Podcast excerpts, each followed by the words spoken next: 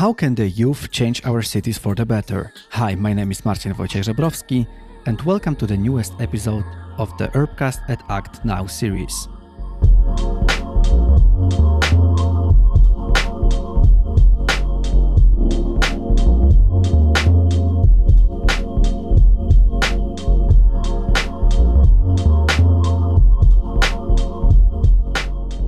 Welcome to the third episode of the Urbcast at Act Now, a series which is recorded during the Act Now Mayors Conference 2022, organized by the Innovation in Politics Institute, that Urbcast was the media partner of, and I managed to record a couple of interesting conversations during those two days I've spent in, in Stuttgart, in Germany. And today I will be talking to Urban Strandberg, or Urban Standby, knowing that I used to live in Sweden and I know some Swedish.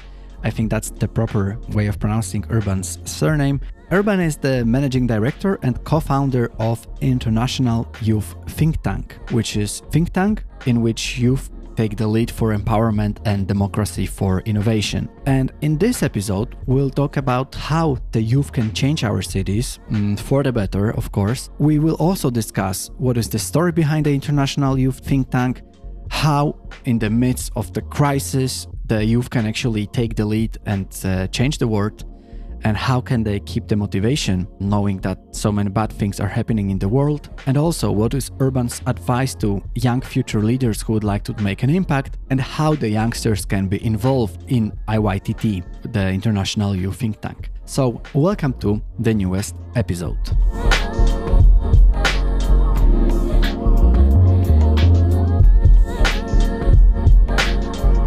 Urban, thank you very much for being the part of the podcast. I really, I really appreciate that. Thank you. So, thank you very much for having me here. Well, because this is a hugely interesting conference, and to get the chance of talking to you, well, the conference gets even better. So, thank you. Let's start by talking about the youth think tank that you created some time ago. I'm really, really curious about what is the background behind it. Why did you create it, and why do you direct especially the youth? Well, democracy has two major challenges, and I would say that that goes for Europe and the globe overall.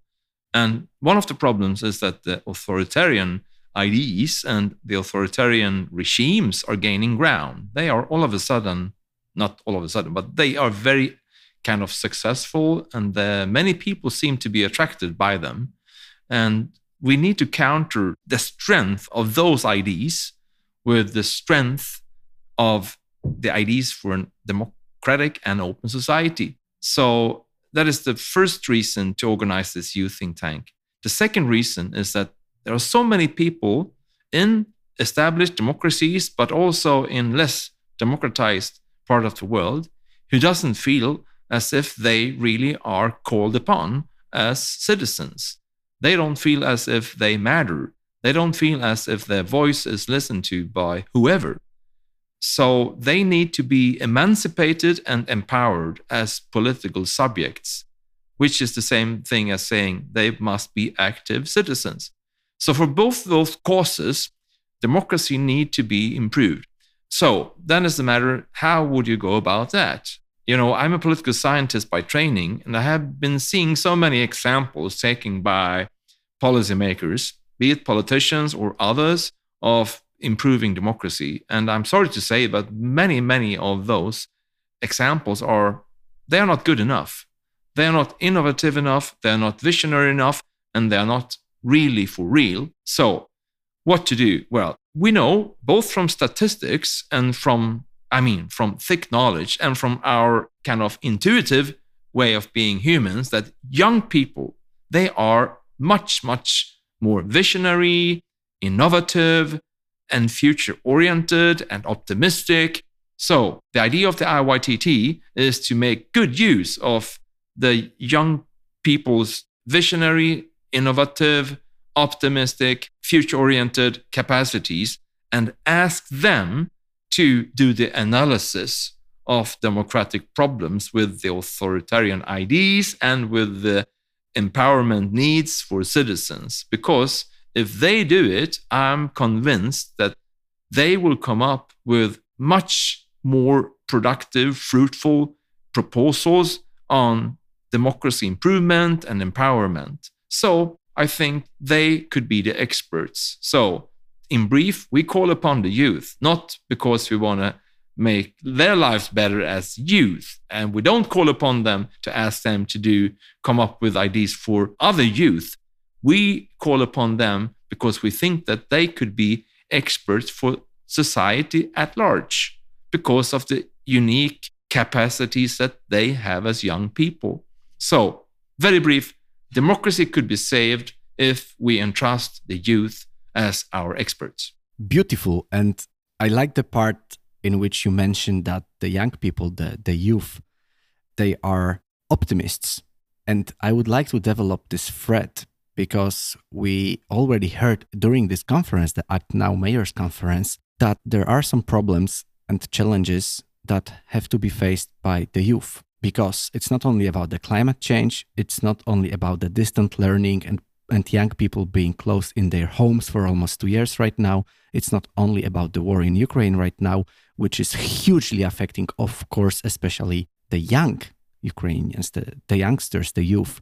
So, how, in the midst of all what's happening in the world, the young people can still have the hope and stay optimists to be able to innovate and fight for the future for themselves and not only. Let me first say, because we have the core activity of the IYTT is the annual youth conference. And so 200 roughly people in the age span of 18 to 24 have applied, and they come from 40 countries.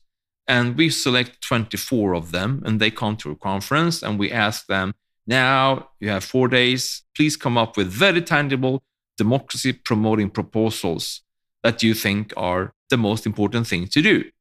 So we have done that now three years in a row. We are still a young organization. And you know, the youth themselves, they are deciding 100% what kind of challenges of the democracy they want to define and what kind of democracy proposal they want to work out during conference.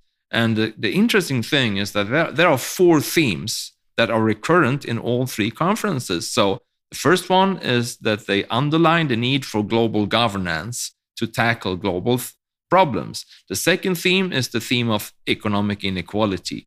They think that is a very recurrent problem that needs to be something done about. The third thing is about they want to see changes in education system, be it for supporting kids from less educated backgrounds or be it for teaching people to, to handle to live in a multicultural society. And the fourth theme is that they are saying that democratization and democracy improvement needs to start very, very locally. So they are proposing things of local, local, local participation and activation. So, having said this, these are the four recurrent themes with varieties of specifications in the specific proposals.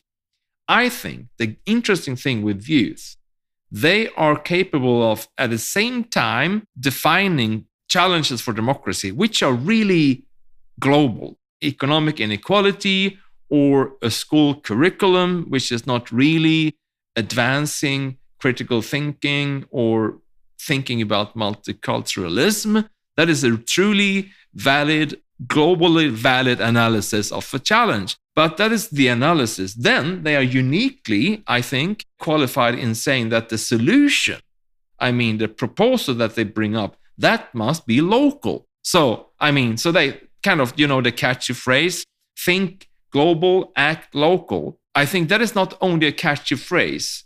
Youth are extremely good in understanding that it's natural to zoom out when you have the problematization and define the problem. And you would see that this is a common problem for basically the entire globe, be it economic inequality or be it a school system which is not what it should be in a multicultural world. But at the same time, seeing that the way of handling this boils down to something very, very local. And for that matter, that is why we are so happy to be at this conference because I mean, this conference is aimed for local change makers and not the least for mayors and helping mayors to run their cities. And we think, the IYTT thinks that if we would, in the long term, do something good for the future and for democracy, that would be by teaming up with local leaders so that our youth fellows could inspire the local leaders by the policy proposals for democracy promotion that they develop. And this is not only a thing that I have discovered as the co founder and managing director.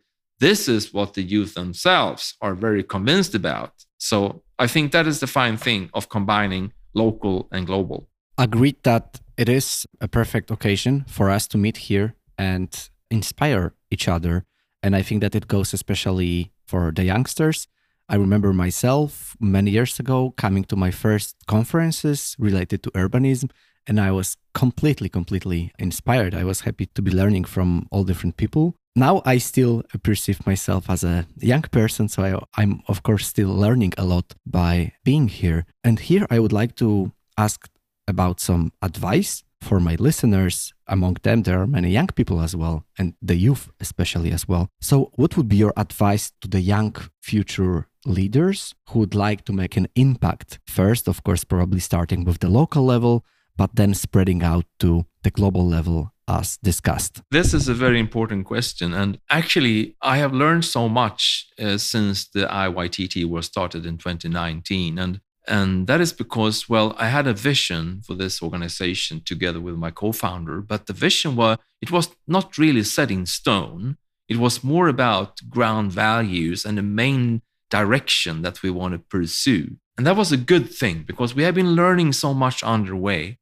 And that in itself is an advice that I nowadays give to our youth fellows when they embark upon something I mean, be it a new educational program or be it an engagement in, in an NGO. I mean, the mindset, not thinking that everything that you embark on must be well, fully thought of or developed before you start your journeys, so to speak. But instead, start something and be ready to, to learn and be open to learn underway in a project, be it your personal educational project or be it an organization. So I think that is the first good advice. Another good advice, and that is also something that I have learned during the IYTT development, and that is well, if you could strike a, a, balance between, on the one hand, being truly radical, I mean, as a young person, progressive, I mean, offensive, I mean, not in the rude way, but radical. And you could strike a balance between that on the one hand, and on the other hand, understanding the established decision makers' need of your appreciation of how they make things come true. Then you could be successful. So, put differently, please continue to be bold and what the decision makers would expect from a young person don't start to behave as you are an adult because that is boring. And it will be boring for the established decision makers too. They want to have you as a spry, bold, and provocative person. But at the same time, understand the, the decision makers' requirements. So learn how the policy making is done and appreciate it. Don't question everything. Don't question, I mean, you could question procedures in policy making and institutionalize institutions in society. You could, but it would be at least as wise to acknowledge the procedures and institutions and be critical on the content. I mean, the policy content. I think that is the way of being a change maker, of uh, being an, a, a successful change maker, because if you acknowledge the system, if I may call it the system, the established, the power, the established power, if you acknowledge that at the same time as you come up with bold and, and provocative suggestions, proposals on the content of things that the system produce, I think then it's harder for the established powerful decision makers to not take inspiration from what you are doing. So strike a balance in being an activist and being a well-behaved careerist. I think that is that's the thing. A balance between them that will give you the potential of being successful in making difference and contributing to a brighter future. Especially one part resonated with me when you said that the, the kids or the youngsters they shouldn't behave as adults because that's not the goal. I have heard very recently a very inspiring quote, and unfortunately, I don't remember the author of it, but it was that the, the goal of youth or the goal of kids is not to become an adult, it's not to grow up, it's just to remain kid, because like that's when you shape yourself, your your personality, and, and you as a human, and you need to appreciate this stage a lot. Of course, you can become inspired by elderly or the older people or the, the grown ups, but behave as you think you should behave and just keep this inner child in yourself as well. And speaking about about that, and also about this finishing on this inspirational note, how the youngsters, the youth, could be involved in the youth think tank. You mentioned the Congress already. Is that the only initiative, or there are more initiatives? And speaking about the Congress, when is the next edition, so that the people listening to this right now could be also part of this in the in the future? Thank you for, for asking that. So the, the fourth International Youth Conference organized by the IYTT is on November 21st to 24th in Gothenburg, Sweden. And the call for the conference is about to open in the coming week. And it's to be found on the website. And we do, as we have done from the very start, namely asking up to 130 organizations in Europe that we have got to know if they wouldn't please very nicely spread the call. And hopefully they will do that as they had done, done before. And of course, participants in the previous conference will spread the call.